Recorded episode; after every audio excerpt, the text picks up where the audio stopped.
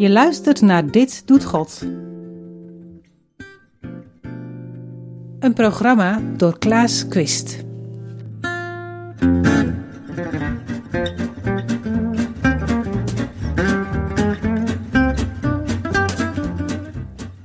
Zo'n reactie maakt me dan ook wel weer gevoelig voor het gegeven dat het voor veel mensen echt moeilijk is om stil te worden. Sommige mensen komen echt als het ware thuis in die stilte. Ja. Zou het heel fijn vinden als mensen achteraf zeggen: Nou, die periode heeft voor mij echt een fundament gelegd, of een fundamentje gelegd, eh, waar ik later op ben gaan voortbouwen. Van harte welkom bij het tweede deel van het gesprek dat ik met Jos Dauma heb over ehm, nou, zijn werk en zijn leven. En in deze aflevering gaat het over de online cursus die hij organiseerde tussen Pasen en Pinksteren. Online cursus met de titel Wees stil, mijn ziel, wees stil. We beginnen het gesprek met een observatie van mijzelf over eh, stilte en rust vanuit een psalm die ik die morgen had gelezen.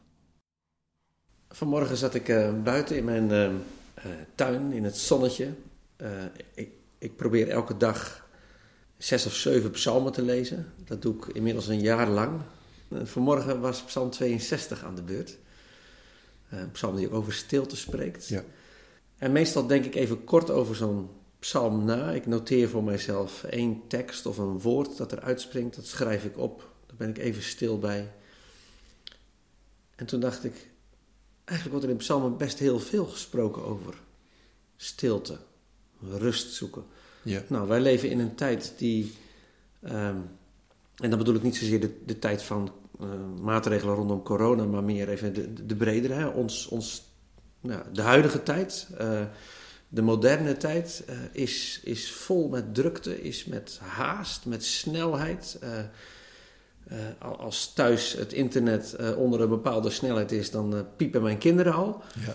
Ehm, en vanmorgen dacht ik in één keer, maar wacht even, dat moet vroeger op eenzelfde manier ook gespeeld hebben. Dat er een snelheid was of een afleiding of, of, of wat ook. Anders kan ik niet verzinnen dat er in de Bijbel zoveel over rust gesproken wordt als dat er gesproken wordt. Ja. Maar nou heb jij dat thema ook heel erg op je lijf. Ja. Het is je gegeven. Ergens heb je het misschien zelfs wel spelenderwijs ontvangen. Het is aan mij gebeurd. Het is, Ja. het is aan je gebeurd. En nu heb je gezegd, in deze tijd van corona is het misschien juist wel goed, we worden toch stilgezet, om nu extra die rust te zoeken. Wat was Ja. je gedachte daarbij?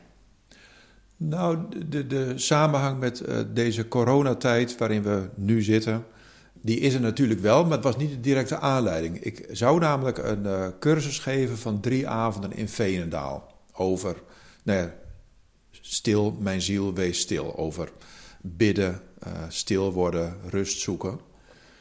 Eh, dus dat was voor de coronatijd allemaal al eh, afgesproken. Ehm, alleen toen kwam corona, dus die avonden konden niet doorgaan. En toen heb ik op een moment bedacht van, nou ja, laat ik er een online cursus van maken. Hè? Dan laat ik dat eens uitproberen, want dat heb ik nog nooit gedaan. Ehm, ik snap wel dat die cursus nu goed kan landen, maar ik, ik, ik hou er zelf toch wel van om te, te zeggen van eh, daar wordt iets aangeboord waar heel veel mensen naar op zoek zijn. Er doen namelijk erg veel mensen mee met die cursus. De, eh, ik had voor de fysieke cursus gehoopt, nou ja, 50 mensen of zo, of misschien wel 60 of 70. Hè. Dan had ik al een hele mooi aantal gevonden. En voor deze cursus online eh, bleken zich opeens eh, 2000 mensen aan te melden. Ehm, nou, dat verbaasde mij ook, of het verraste mij. Ik had, ik had niet gedacht dat dat zo zou lopen. Fronste je je wenkbrauwen of kwam er een smile op je gezicht? Nee, er kwam wel een smile op mijn gezicht hoor. Ja. En voor mij was, ik bracht het ook wel het proces op gang van ja, blijkbaar kun je online veel meer mensen tegelijk bereiken dan Ja. fysiek. Hè? Dus dat, is, Ja. dat roept ook heel veel overwegingen weer op. eh, hè, want bij mij en bij heel veel mensen leeft toch altijd een beetje van ja, online is niet echt. Fysiek, dat is echt. En online, ja, dat is maar digitaal. Mhm. en ik, denk dat, dat deze coronatijd ons op zijn minst gaat leren dat dat niet zo'n goede tegenstelling is. Dat het, dat het, uh, ik snap heel goed, jij zei het zelf ook even toen je hier aankwam, ik ben een beetje zat. Altijd maar weer zoomen en skypen en dat soort dingen. Dus dat herken ik uh, wel heel goed hoor. Dat ik het vervelend vind om uh, nou, steeds maar weer via beeldscherm met mensen contact te hebben. Dus in die zin vind ik het heel fijn om hier met jou te praten. gewoon elkaar weer zien. Ja niet elkaar de hele tijd recht in de ogen kijken, zoals op Zoom en Skype en zo gebeurt. Hè. Je kunt gewoon even wegkijken. Nou ja, Hè, dus dat, dat fysieke ontmoeting is wel echt anders en rijker dan een uh, digitale ontmoeting. Maar uh, blijkbaar kun je online dus heel veel mensen tegelijk bereiken. Uh, en die daar ook allemaal, tenminste, ik krijg daar veel reactie op, die daar over allemaal uh, persoonlijk ook echt intensief mee bezig zijn. Uh, ik, ik, zou haast zeggen van ik heb al honderden uh, preken gehouden en dat vinden we allemaal heel erg belangrijk in de kerk en dat vind ik ook heel belangrijk. Um, maar het effect van deze cursus is volgens mij al vele malen groter dan al die preken bij elkaar. Hè? chargeer ik misschien een beetje. Ja. Hè, maar online gebeurt er nu iets um, nou, wat ik gewoon niet verwacht had. Is, dus, dat, ja. is dat anders dan wanneer jij een boek schrijft? Je hebt aardig wat titels op je naam, ook, ja. ook boeken in de, in de sfeer van, ik noem maar even werkboeken. Weet je, ja. gewoon mensen meeneemt van stap tot stap ergens een proces door. Ja. Dat is ook afstand. Ja. Maar is dat dan, dat boek dan toch anders dan dat online wat je nu doet? Uh, ja, kijk, het boek is, is echt afstand. Hè? De, de auteur is er niet bij als je het boek aan het lezen bent. De auteur van de cursus is er tot op zekere hoogte hè, bij als je de cursus volgt. Je kunt mij een mailtje sturen. En daar antwoord ik dan op. Uh, hè, dus dat, nou, dat zal bij een boek niet zo snel gebeuren, hè, want in de cursus word je ook voortdurend uitgenodigd. Nou, als je iets wil delen, stuur gerust een mailtje. Mm -hmm. uh, ik maak korte video-opnames bij de cursus. Hè, dus ik kan me voorstellen, zo werkt het eenmaal, als je mij tien keer op zo'n filmpje hebt gezien, dan denk je dat je mij kent. Hè, dat er iets, iets persoonlijks dat, dat is. Op een bepaalde manier is dat natuurlijk ook zo. Hè, dus er ontstaat veel meer een band tussen tussen mij als cursusleider online dan tussen de, de, lezer en de auteur van een boek. Hè, als een boek klaar is, dan gaat het de wereld in en dan, dan, dan ben je, je kwijt. Los, ja. Ja, ja.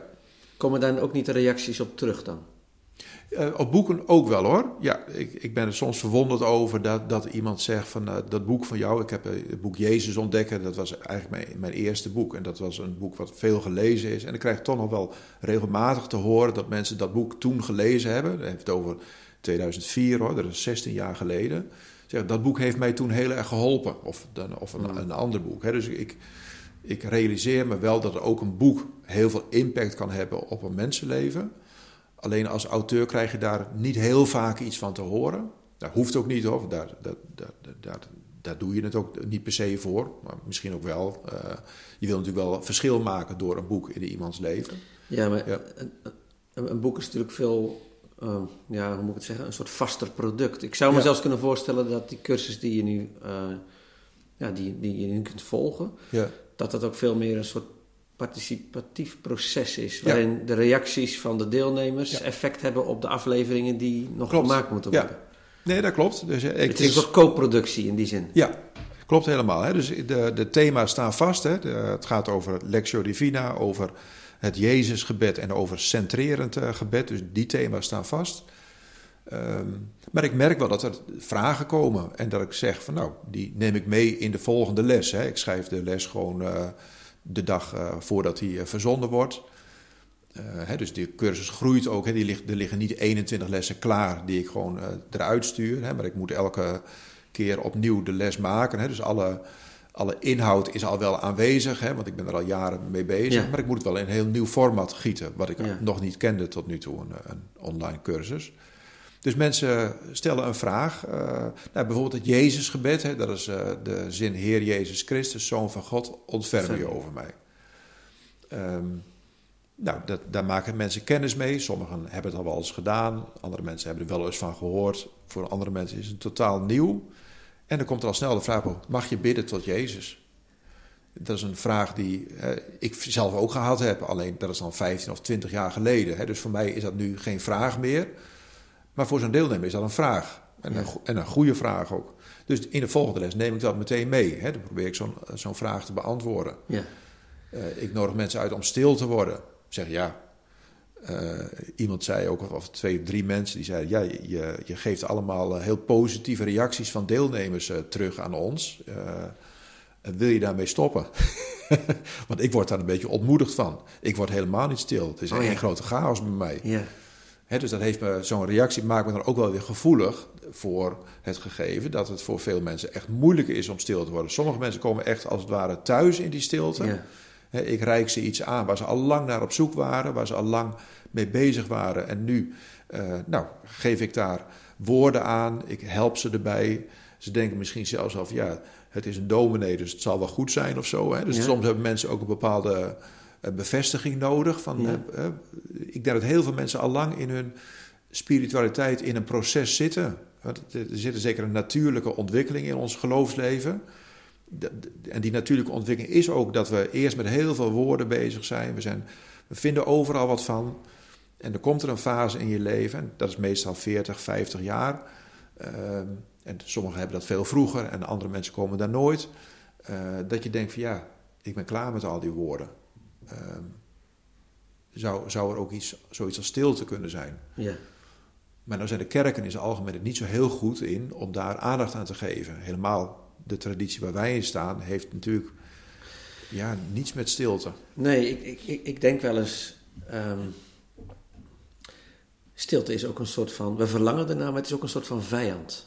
Ja, Die we mijden als de pest. ja, En eh, in sommige gevallen. eh, nou, ik, ik, ik leid sinds eh, eh, vijf jaar aan tinnitus. Ik, ik heb allerlei geluiden in mijn hoofd. Het is nooit stil. nee, En eh, dat neemt toe naarmate de omgeving stiller is. ja, Dus fysiek is stilte ook een vijand voor mij. ja, Nou, dan heb ik het nog niet over de onrust die in mijn hart kan zijn. Hè? Of, of alle gedachten die je kunt hebben over wat je gedaan hebt, wat je nog moet doen, Ja. of wat anderen tegen je zeiden. Ehm, dus stilte is, is iets waar we naar verlangen en tegelijkertijd is het een vijand. ja, En ja, je zegt, in, in de kerk weten we er eigenlijk helemaal niet zo goed mee om te gaan. Ik, ik kan me niet heugen ehm, dat we in de kerk nou heel veel stil zijn. nee, Zelfs het stille gebed aan het begin van de dienst eh, is vaak heel kort in mijn beleving. ja, Ik hou het niet bij met een stopwatch, maar ja, het is net of we de stilte snel ook weer moeten vullen. ja. En dat is wat jij terug hoort ook van jouw cursisten. Ik hoor dat niet specifiek terug van de cursisten. Ehm, eh, dat, die gaan toch allemaal hun individuele weg daarin. Mhm. Ehm, dus we, we koppelen het niet zo Nee, erg maar omdat aan- je zei, eh, hou nou eens op met al die positieve reacties Ja, ja, ja, te geven. Ja. Ehm, eh, Ja, nee, dat, dat lukt mij niet. Die stilte is, is ik ervaar stilte als, als Ja. Onbereikbaar en misschien wel als een vijand. Nee, dat klopt helemaal. Hè? Dus mensen eh, verlangen dus naar die stilte, zoals je dat eh, zegt. Eh, en tegelijk merken ze dat ze daarin ook kats gefrustreerd raken. Want het lukt gewoon helemaal niet. Er zijn zoveel gedachten, er is zoveel onrust. Nou, iemand mailde mij nog vandaag. ja, ik word stil, maar ik word dan heel erg emotioneel. Ik moet heel erg huilen over, over dingen die er zijn. Is dat normaal? Kun je daar iets over zeggen? Ehm, nou, en ja, dat is normaal. Ik, ik heb een, eh, net in de les van, eh, van gisteren iets aangereikt... wat ik weer van Mirjam van der Vechten heb Mhm. geleerd. Hè. Dus ook iemand die Ja. veel met stilte bezig is. Eh, die spreekt over drie stilte-treden. Eh, de eerste treden is gewoon dat je een, een stille omgeving opzoekt. Nou, dat kan in je achtertuin zijn, dat kan in het park zijn... dat kan in een kamertje in je huis zijn waar je graag bent... Eh, nou, dat is al heel fijn. Eh, als je dat plekje kunt vinden. Alleen dan ben je daar, dan komt de tweede trede. En die tweede trede gaat over onrust. Er is per definitie onrust. Eh, en zelfs chaos. En, en zo snel mogelijk weer weg willen uit die stilte. Omdat die eigenlijk Ja. veel te spannend is. Ja. En wat gebeurt er? Dat, ik denk dat heel veel mensen dan dus ook maar weggaan. En die zeggen, stilte is niks voor mij, zeggen ze dan. Ja.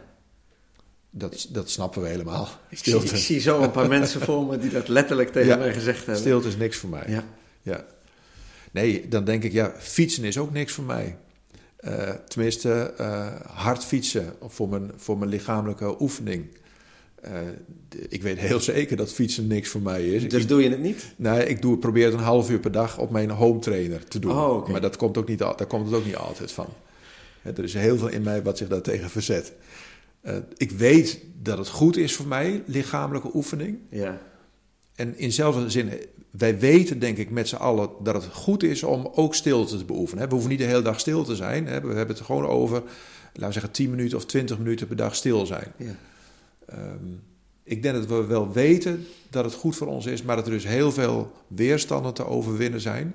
En daar moeten we bij geholpen worden. Ja. En die hulp ontbreekt. Ja. Dat is denk ik wat er aan de hand is. Even, jij zei er zijn drie treden van stilte. De eerste is uh, de, de plek zeg maar fysiek zoeken en creëren. Ja. De, de tweede is de onrust die dan ja. direct naar boven komt. Ja, en waar je... Uh, Iets mee moet. Waar je, waar je echt doorheen moet. Ja? Hè, om het even wat uh, modieus te zeggen, dat moet je omarmen. Oké. Okay. Ja. en dat betekent dat je je er niet tegen verzet, maar dat je het eerst maar eens accepteert dat dat zo is. Um, en in dat accepteren, en dat kan een heel lang proces zijn, uh, komt er een, komt er iets op gang. En dat, dat, duurt, dat kost allemaal tijd. Hè? Oefenen kost tijd. Hè? Als Ja. ik eh, een paar kilo's kwijt wil raken, ik kan niet beslissen dat ik nu vijf kilo lichter ben. Kan niet. Ehm, ik kan wel beslissen, ik ga vanaf nu elke dag een half uur fietsen. Best een kans dat ik dan over een maand of zes weken vijf kilo lichter ben. Ja. En ik denk dat zoiets ook aan de hand is rond stilte. Ja. Uh, je kunt niet zeggen, en nu ben ik stil. Maar je kunt wel op weg gaan naar de stilte. En bij het op weg gaan naar de stilte hoort dus die tweede trede uh, van het omgaan met die onrust. En daar iets in leren. Uh, wat in eerste instantie misschien moeilijk is, maar wat na verloop van tijd steeds natuurlijker gaat voelen. Um, nou, dat, dat, noem ik even. Hè. Die chaos uh, eerst maar eens omarmen. Ja. En dan op een gegeven moment leren om uh, daar niet meer al te veel aandacht aan te besteden. Het, het is er, maar je laat het weer los. Mm -hmm. En nou, dat kun je doen door bijvoorbeeld je te concentreren op één Bijbelzinnetje. Uh, of, of, zelfs één Bijbels woord. En zeg, nou, telkens als ik merk dat mijn gedachten weer ergens anders naartoe gaan, ga ik gewoon terug naar dat ene zinnetje en daar concentreer ik me op. Ja. Um, en nou, dan komt er hopelijk die derde trede dat je uh, nou, in de loop van de tijd steeds meer en steeds makkelijker ook die echte innerlijke stilte gaat ervaren. Hmm. Maar het is dus echt een leerproces en een oefenproces. En nou, mensen hebben hulp nodig. Ik heb hulp nodig om dat te leren. Ik heb Ja. zelf uh, uh, veel geleerd. Ik, ik, zoek dat soort informatie via boeken. Hè, dus niet zozeer via trainingen of zo. Of ook niet, ik kom ook niet echt vaak in een klooster.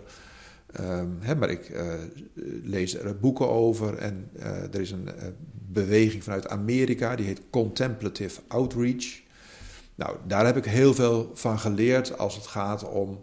Um, wat is die stilte nou en hoe kun je dat leren? Ja. Maar als we geen mensen om ons heen hebben die het ons kunnen leren, dan, ja, dan hebben we een probleem. En nou, gemiddeld gesproken is de kerk niet de plek waar wij leren om stil te zijn. Wat vind je daarvan? Uh, gemiste kans. Uh, uh, ja, want het hoort dus wel bij een van de opdrachten van de kerk dan? Is dat, of, of kleur ik het nu te veel in? Als je zegt het is een gemiste kans. Um, je, je, zei net al even, hè, in de psalmen komt dat best wel vaak langs. Ja. Hè? Ja. Uh, wees stil. Ja. Dat komt ook weer niet zo vaak langs hè, dat je zegt de hele Bijbel is er vol van. Je moet ook niet uh, overdrijven. Maar het is een vrij nou, bazaal Bijbels gegeven een gebod. En Jezus zegt ook, kom naar mij toe als je vermoeid bent en belast en ik zal je rust geven. Nou ja, we hebben ook één rustdag we hebben aangereikt ja, gekregen. Kijk eens even, hè, als we Ja. wat theologisch willen uh, onderbouwen, dan kom je dus al gauw bij de Sabbat uit. Ja, Hè, een zevende deel van je tijd stop je. ja, Met denken denk ik dan ook maar. En met altijd maar over van alles nadenken. Hè. Laat het dus uh, stil en rustig worden. mhm. Dus ik denk dat, dat er bijbels gezien uh, heel veel voor te zeggen is. Uh, dat we de kerk ook uh, leren ontvangen als een oefenplek voor stilte. En nogmaals, dat is niet het enige. De, de ene mens heeft er ook weer meer aanleg voor dan de ander. Er zijn ook wel boeken die spreken over negen spirituele talen, hè, negen manieren om God te ontmoeten. Eh, je ontmoet God ook gewoon door dienstbaar te zijn. Als je in de ogen kijkt van iemand eh, die je mag dienen, eh, dan, dan gebeurt er ook iets van God. je ontmoet God ook echt gewoon in studie. Het, is, het kan heerlijk zijn om Bijbelstudie te doen en echt te denken: oh, wat heeft God dat allemaal mooi gezegd en bedacht en wat, wat geweldig. Je ontmoet God in de natuur. Mhm. Nou, zo kan ik negen talen oproemen. En één van die talen is de taal van de stilte de taal van de verdieping, contemplatie. Dus ik wil het wel in dat wat bredere kader eh, plaatsen. Maar goed, met dat ik het in dat bredere kader heb geplaatst en, en zeg van nou, stilte is niet het enige, zou ik zeggen, nou, laten we toch ook die stilte, en helemaal in onze maatschappij, die mhm. natuurlijk enorm chaotisch en lawaaierig is. Uh, nou ja, van alle kanten worden we ehm, met de wetenschap in de hand ertoe opgeroepen om uh, eens een beetje normaal te doen in onze tijdsbesteding. Bedoel, je, dat zijn niet alleen maar theologen of dominees zoals jij, die iets met stilte, zeg maar, uitdragen. Ja. Nee, dat, dat klopt. Hè, dus we, we moeten misschien ook niet per se allemaal bijbels en theologisch willen maken. Het is ook gewoon menselijk. De mens heeft rust nodig. Ja. het, is een uh, intrappen van een open deur. Ja. En toch lukt het ons niet om die rust te pakken of te vinden of te, te nemen of ervoor te kiezen. Want we zitten in een maatschappij uh, die ons voortdurend oproept: je moet dit doen, je moet dat meemaken.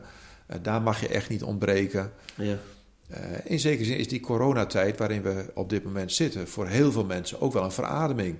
Ja. Van ik hoef even niet zoveel. Ja. Ehm, ik had altijd het gevoel dat ik, dat ik altijd maar weer het contact moet aangaan met mensen, want ze hebben mij nodig. Maar ja, het kan nou gewoon even niet. En dat is eigenlijk heel lekker. Misschien moeten we eens even, even nog wat verder inzoomen op jouw, jouw cursus. Je vertelde, ehm, die begon eigenlijk vanuit uh, een soort situatie waarin je zat, uh, dat, dat een, een offline cursus in Veenendaal niet doorging. Ja. Ehm, en je dacht, ach, laat ik eens wat proberen. Ja. Dat is dit geworden. In Veenendaal hoopte je op uh, misschien 50 mensen. Ja. Je hebt er inmiddels 2000. Ja. Um, nou, en het groeit onder je handen. Ja, met name die eerste week en ook nu nog. Gisteren stuurde iemand een mailtje van... ik wil graag zij-instromer zijn. ja, ja, ja. ja, ja. Ja. dus de, de cursus uh, kun bestaat... Je in, kun je iets schetsen van, van uh, de, de opbouw? Hoe, als, stel dat ik nu luister en... Uh, nou, ik heb gezien dat je gewoon de afleveringen die we gemist hebben... Ja. kun je gewoon volgen. Um, stel dat ik zeg, nou, dat lijkt me wel wat. Ik ga dat doen. ik word zij-instromer, maar dan begin ik wel aan het begin of zo. Hè? Wat, wat krijg ik dan van je? Wat bied je mij aan? Nou, in de basis krijg je drie keer per week een mail in je bus. Uh, maandag, woensdag en uh, vrijdag om 7 uur. Ik had het eerst om 9 uur gedaan, maar sommigen zeiden ja, kan het niet iets vroeger, want ik wil er graag wat vroeger mee beginnen. In de ochtend hebben we het over. In de ochtend, ja, ja. ja, ja. Um, dus in de basis krijg je drie keer in de week een mail met daarin, uh, nou, primair een stukje uitleg over het thema wat aan de orde is. Uh, dat is begonnen met uh, nou, wat is eigenlijk Gods aanwezigheid, wat is rust, wat is stilte, meer wat algemenere vragen. Um, bij elke les, tenminste ik noem het zelf eerst een mail, ik ben niet zo van de lessen. Uh, maar goed, mensen begonnen al vrij snel over lessen te praten, dus daar ben ik maar snel in meegegaan. ook omdat ik intussen wel wat research had gedaan op internet. Van, ja, wat is een online cursus eigenlijk? Hoe zit dat in elkaar? Hoe bouw je dat op? En daar wordt ook gewoon uh, onvervroren over lessen gesproken. Nou, heb ik maar aan aangepast. dus het zijn lessen. Uh, eerst een stukje uitleg over het thema wat aan de orde is. Uh, altijd ook twee reflectievragen. dus ik wil de deelnemer wel echt oproepen om te reflecteren op wat je dan hebt gelezen. Ja, kun je daar een voorbeeld van geven? Wat voor soort vraag je dan stelt? Um, ja, hè, als het gaat over Gods aanwezigheid bijvoorbeeld, hè, daar heb ik dan iets over verteld. En dan is een reflectievraag: um, waar, wanneer heb jij Gods aanwezigheid ervaren? Oh ja. En dan verwacht ik dat de deelnemer thuis op de bank of op de keuken, aan de keukentafel, nou even daar een, minuutje over nadenkt. Hé, hey, wat, wanneer was dat eigenlijk? Ehm, hè, er, er- ook altijd oefeningen. Ehm, en die oefeningen bestaan bijvoorbeeld uit het luisteren naar een lied. Eh, kijk, heel veel mensen, eh, en ik zelf ook, hebben natuurlijk vaak muziek aanstaan. Ehm, maar dat fungeert bijna altijd als achtergrondmuziek. Ja. Dat, eh, je doet intussen wat anders. En ik merk dat het heel krachtig is om naar een lied te luisteren en alleen maar naar dat lied te luisteren. Dat, is, dat is al een manier van je aandacht richten. Je volle aandacht. richten. Volle aandacht bij het lied. En dan kun je zelfs nog zeggen, je moet deze keer je volle aandacht hebben bij de tekst. En de andere keer de volle aandacht bij de muziek. Hè. Je kunt ook de muziek eh, volgen, het ritme en de herhalingen en zo. En nou goed, da- daar kreeg ik ook al heel snel heel veel positieve reacties op. Hè, dat mensen, oh, ik, ik kom al meteen tot rust door die, Door dus die muziek. door de Ja. muziek, maar meer nog door die eenvoudige aanwijzing. Wees met je volle aandacht bij de muziek. Ehm, want uiteindelijk is het ook een cursus over aandachtigheid, zou je kunnen zeggen. Ja. Van, eh, wij, onze aandacht is vaak zo versnipperd over van alles en nog wat, dat we het heel moeilijk vinden om onze aandacht te focussen. Ehm, dus altijd, altijd een oefening. ehm, en altijd ook een mogelijkheid tot verdieping. Dus dan eh, heb ik meestal nog één of twee eh, linkjes naar een artikel wat ik geschreven heb of wat iemand anders geschreven heeft. Ik maak er een filmpje bij. Bij elke les zit wel een filmpje. Eh, waar ik gewoon één specifiek eh, onderdeel nog eens wat verder toelicht. Alleen dan, ja, een filmpje werkt gewoon weer anders natuurlijk dan geschreven tekst. Dus dat is een beetje globaal de opbouw van elke les. En eh, hoeveel tijd ben ik daar dan ongeveer mee bezig met zo'n les? Dat hangt helemaal van je eigen manier van werken af. Kijk, ik, heb, kijk even naar mij en schat in. ik denk dat jij makkelijk twee, drie uur met zo'n les kunt doen. Zeker. Ja. Ja, Ik heb Maar- gezegd in de, in de aankondiging van de cursus, hè, van, ja, ja, hoeveel tijd zou je moeten inschatten? Ja, een half uur, drie kwartier per les. per les. En dat dus Gewoon drie dat keer in de week. Ja. Hm. Maar er zijn ook mensen die zeggen, ja, ik kan er wel twee dagen mee bezig zijn. Hè? Dus eh, eh, het is niet een... eh, vanwege die oefeningen, ja, die kun je ook vaker doen. Mhm. Het oefenen van stilte, ja, dat is natuurlijk niet aan tijd gebonden. Dus dat hangt heel erg af van de... ja, stel voor je wilt de cursus afraffelen. Maar goed, daar is de cursus natuurlijk helemaal niet naar. Dan kun je het prima in een half uurtje per dag doen. Ja, maar het is, zeg maar, het is, het is best nou, veel. Dat bedoel ik Ja. niet eh, nee. normerend, maar gewoon hè, als, als observatie. Het is best veel wat je aanreikt. Ja. Eh, en daarmee is meteen duidelijk, je doet dit niet even terwijl je aan het koken bent of de Nee. hond uitlaat. Of je moet hier echt Nou, de tijd voor nemen. Nee, bij, bij het koken, dat zal denk ik in elk geval... De hond uitlaten, kan ik me nog voorstellen dat dat eh, een moment kan zijn hoor. Hè? Helemaal het luisteren naar een lied. Ik ben zelf niet van het wandelen in de natuur. Dat is niet mijn primaire taal. Maar ik weet heel veel mensen zijn graag in de natuur... en komen misschien wel uitsluitend in de natuur eh, tot rust.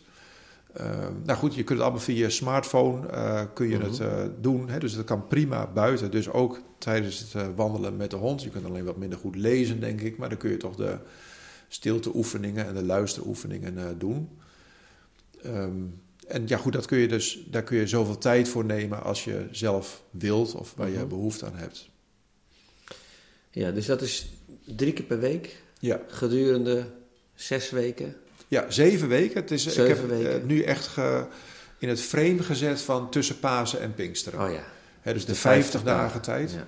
Ehm, dus, en ook een verlangen geformuleerd. Hè, wat is de, de doelstelling van de cursus? Nou, eh, het verlangen dat je in de 50 dagen tijd 2020 eh, groeit in gebed en in het leren ervaren van Gods aanwezigheid. Ja. Hè, dus probeer ik de mensen ook, eh, nou, ook regelmatig aan te herinneren. Want er zijn ook mensen die zeggen, ja, ik loop achter, zeggen mensen. Dus, nou ja, dat- snap ik ook wel. Als je er veel tijd aan besteedt, dan, dan ga je snel achterlopen. Ehm, veel mensen hebben natuurlijk ook gewoon druk. Hè, de, hè, we, we, we roepen wel met z'n allen, we zijn stilgezet. Maar dat is een heel erg, eh, heel erg wisselend beeld, levert dat natuurlijk op. Eh, er zijn heel veel mensen die het veel drukker hebben. ja, we bedoelen vooral, we kunnen de dingen niet doen zoals we gewend zijn. Ja, eigenlijk wel. dat ja. is wat ja. we met eh, Ja. stilgezet bedoelen. Ja. En eh, goed, wij hebben zelf geen kleine kinderen meer. Dus wij hebben. eh, nou, wij ervaren niet de druk van het gezinsleven. Wat, wat wat behoorlijk pittig kan zijn in deze tijd. Hè, dus dat, eh, onze jongste is eh, 16 en die eh, gaat eh, prima zijn eigen gang eh, verder. ja. Dus ja, voor ons is het wel eh, in zekere zin een hele rustige periode, veel rustiger dan anders. Maar voor andere mensen is het een hele chaotische, moeilijke periode. Mhm. En dan eh, is het niet zo makkelijk om zo'n cursus eh, ook te doen. Nee, je Eh, moet er echt even de, de, de tijd voor nemen. Ja, Letterlijk. maar ja, en ik zeg er wel altijd bij: van, je- hoeft niet elk onderdeel van de les te nemen. Hè? Al pak je er maar één, dat is ook Ja, prima. Ja. Ja, dat is überhaupt natuurlijk aan iedereen om, Ja, om, dat, om dat zo te doen. Ja, Eh, maar goed, ik, ik noem het toch even, want eh, veel cursussen, daar zit natuurlijk ook wel een, een bepaalde druk achter. Hè? Je moet het allemaal wel perfect doen. En eh, ik, ik leg er wel ook wel de nadruk op. Ik zeg van, het is prima als het niet lukt. Eh, en dat hoor je in een cursus niet zo vaak. Hè? Tenminste, dat denk ik eigenlijk niet. Eh, dat hoort natuurlijk ook een beetje bij de thematiek van de cursus. Hè? Als het over rust en ruimte gaat, eh, dan moet je niet het gevoel hebben dat je in een eh, tunnel terecht bent gekomen van lessen die je allemaal ook keurig op tijd moet doen. Mhm. Ja. Ja, dus de, de, de reis die je maakt is misschien nog wel belangrijker dan het resultaat dat het oplevert. Ja, ja klopt. Dus eh, ik, ik verwoord het zelf door te zeggen, eh, nou, eh, elke week noem ik het denk ik wel even een keer. Ook als het je niet lukt om de hele les te doen, of als je vindt dat je achterloopt, hè, waar al een soort oordeel in zit, wat, wat helemaal niet nodig is.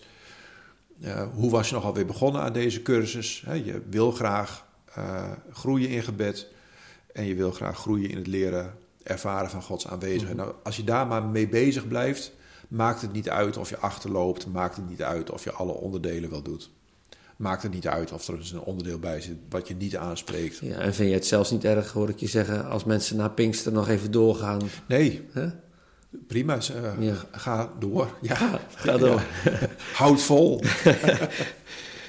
Ja. Eh, nou ben jij ook een man van het onderwijs. Je, je geeft les. eh. Dus ik, ik zou me kunnen voorstellen dat, dat je- maakt deze cursus... dat je toch ook denkt in een soort van resultaat. Dat schrijf je ook, hè? Wat levert het je op? ja. Wat hoop je dat het mij oplevert aan het eind? Ehm, kijk, ik ben de cursus begonnen. Hè, wat ik heel fijn vinden, en dat geldt dan voor de mensen die er gewoon, laten zeggen, vanaf het begin bij zijn geweest, zou ik het heel fijn vinden dat zij, als zij later terugkijken op deze periode, het, het was wel de coronatijd, hè, daar valt het helemaal in. Ehm, dat heeft het eh, verlangen aangewakkerd om toch meer rust en stilte te ervaren. Ik zou het heel fijn vinden als mensen achteraf zeggen, nou, die periode heeft voor mij echt een fundament gelegd, of een fundamentje gelegd, eh, waar ik later op ben gaan voortbouwen. Ik heb echt nieuwe dingen geleerd als het gaat om stil zijn, om tot, tot, eh, tot rust te komen. Ik heb geleerd wat Lectio Divine is. Had ik nog nooit van gehoord, sommige mensen, anderen hebben er wel eens van gehoord. Eh, ik zou het heel fijn vinden dat mensen ervaren hebben in die periode dat ze daarin nou, geleerd hebben. En ook in staat zijn om daar zelfstandig mee verder te gaan. Hè. Dat vind ik altijd wel een belangrijk element met die hele manier van bijbellezen van de Lectio Divina. Eh, ik wil graag eh, als deskundige even meelopen op je weg om het wat uit te leggen. Maar de bedoeling is dat je, dat je het gewoon zelf kunt. En iedereen kan het ook zelf. Ehm, dus dat, je dat geleerd hebt en dat dat een soort van nieuwe basis heeft gelegd eh, voor jouw persoonlijke omgang met God. Eh, en dat je daarin ook echt concrete handvatten hebt gekregen, die vaak nog wel eens ontbreken. Hè? Ik ben zelf ook een dominee, dus ik eh, herken het bij mezelf. Hè? We roepen altijd, je moet wel meer in de Bijbel lezen, mensen hoor. Hè, Je moet eh, Gods woord wel binnen laten komen. Mhm. Maar hoe dat dan precies moet, hè, dat, dat blijft toch, dan blijft het vaak een beetje Het is, stil. het is wat obligaat soms, Ja, zo'n opmerking. Ja. Ja, en eh, deze cursus, ik leg veel nadruk op die oefeningen. Hè? Dus, dus oefenen vind ik een heel wezenlijk aspect. Eh, de site die ermee verbonden is, leven in de kerk.nl, die heeft nou ook als ondertitel Oefenruimte voor spiritualiteit. Ja. Ehm, dus ik geloof dat die oefening ook echt het aanknopingspunt is. Wil er werkelijk groei plaatsvinden? Hè? Als je weer een boek ergens over leest, of weer een geweldige preek ergens over hoort. eh, maar er zit niet een oefengelegenheid bij of een oefenmoment, dan wordt het allemaal niks. Hè? De, eh, we leren niet alleen met ons hoofd. Hoofd is hartstikke belangrijk. Mhm. Ik, ik zit zelf ook graag in mijn hoofd. Ehm, Maar ik heb in de loop van de jaren wel ontdekt hè, dat je hoofd, hart en handen echt in een goede uh, verbinding met elkaar moet brengen. Ja. Hè, dus ik, ik werk in zo'n cursus ook vanuit de drie slagen onderwijs, ontmoeting en oefening. Mhm. Dus onderwijs. Dus ik, ik denk echt dat ik uh, nou ja, kennis heb die ik kan delen. Dus dat is helemaal prima kennis. Uh, die is ook echt nodig. ontmoeting. dat is ook wel iets van het persoonlijk geraakt worden. Het, het moment van de ervaring. Uh, hè, misschien dat die filmpjes, hè, dan, uh, dat maakt het persoonlijker, het, ontmoetingsmoment. Uh, maar ook een, een, ervaring delen of een ervaring van een ander doorgeven. Dus daar zit het ontmoetingsmoment in. Helemaal nu dat fysiek dus niet kan, hè, kun je toch wel digitaal ontmoeting creëren door, door een kwetsbaar verhaal te delen of te vertellen. En oefening, hè, blok tijd in je dag om er ook daadwerkelijk mee bezig te zijn. Nou, ik geloof dat een, een goede verbinding tussen die drie, dat dat echt wel uh, uh, nou, de belofte in zich heeft dat er ook echt een leerproces op gang komt. Tot zover het tweede deel van het gesprek met Jos Dauma. Dit keer ging het over zijn cursus Stil mijn ziel, wees stil. De link naar de cursus is uh, levenindekerk.nl. Die is ook terug te vinden op de website van Dit Doet God. In de laatste aflevering praat ik met Jos door over zijn verlangen voor de kerk. Mijn ogen gaan een beetje open voor het gegeven dat online dus ook echt heel wezenlijke dingen kunnen gebeuren. En we sluiten deze aflevering van Dit Doet God af met een, uh, met een mooi lied van uh, Hanne de Vries. In het gesprek dat ik met Jos had, zei hij van ja, soms is het ook goed om uh, aandachtig naar de muziek te luisteren. Misschien zelfs wel twee keer. Eén keer naar de muziek en één keer naar de tekst of, of andersom. Zo wil ik je ook uitnodigen om uh, dit lied hier bij u van Hanne de Vries uh, met volle aandacht te luisteren. En dan maar gewoon te zien wat deze woorden, wat de muziek met je doet. Dankjewel voor het luisteren en tot de volgende aflevering. Ik heb liefde gezocht. Liefde die me verlost. Telkens dacht ik dat ik het had, maar steeds weer schoot het tekort. Totdat ik u hier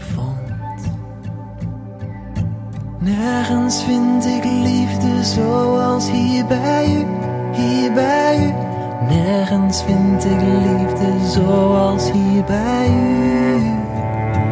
Niemand in mijn hart verovert zoals u, zoals u. Nergens vind ik liefde zoals hier bij u.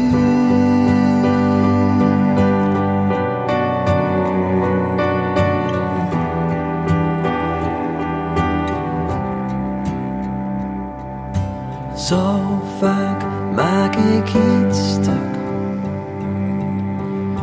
Zo vaak ben ik gevlucht. Maar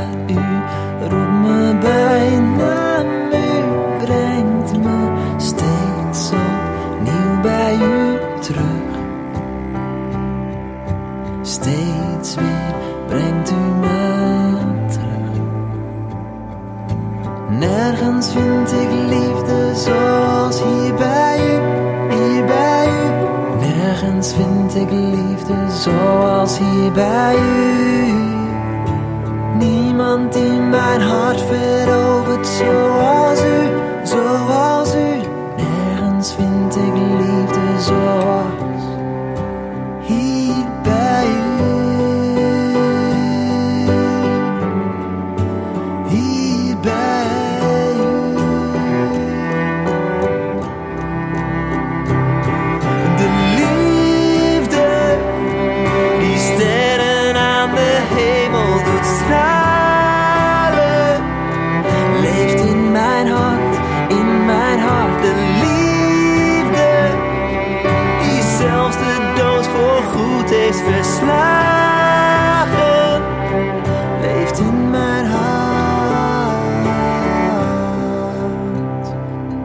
Leeft in mijn hart.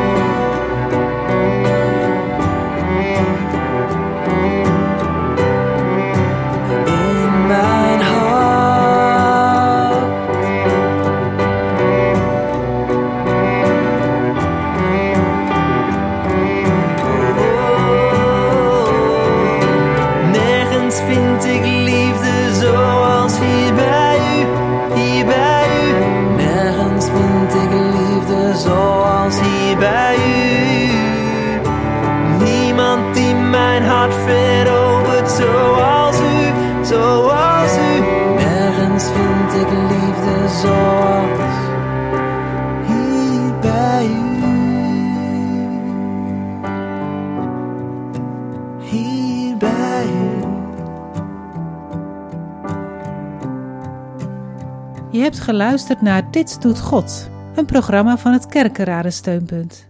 Ga voor meer inspiratie naar ditdoetgod.nl